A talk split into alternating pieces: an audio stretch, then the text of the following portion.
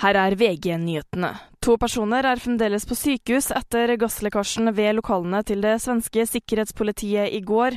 Til sammen åtte ble innlagt.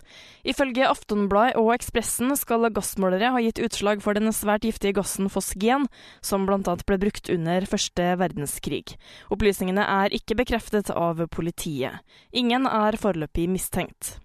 I Ukraina er en mann drept og tre personer såret i et russisk droneangrep mot havnebyen Odesa, ifølge lokale myndigheter.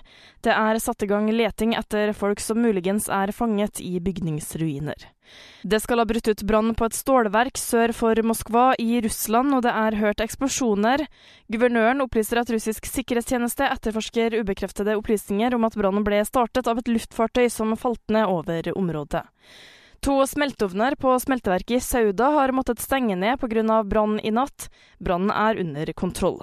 I studio Miriam Alsvik, nyhetene får du alltid på VG.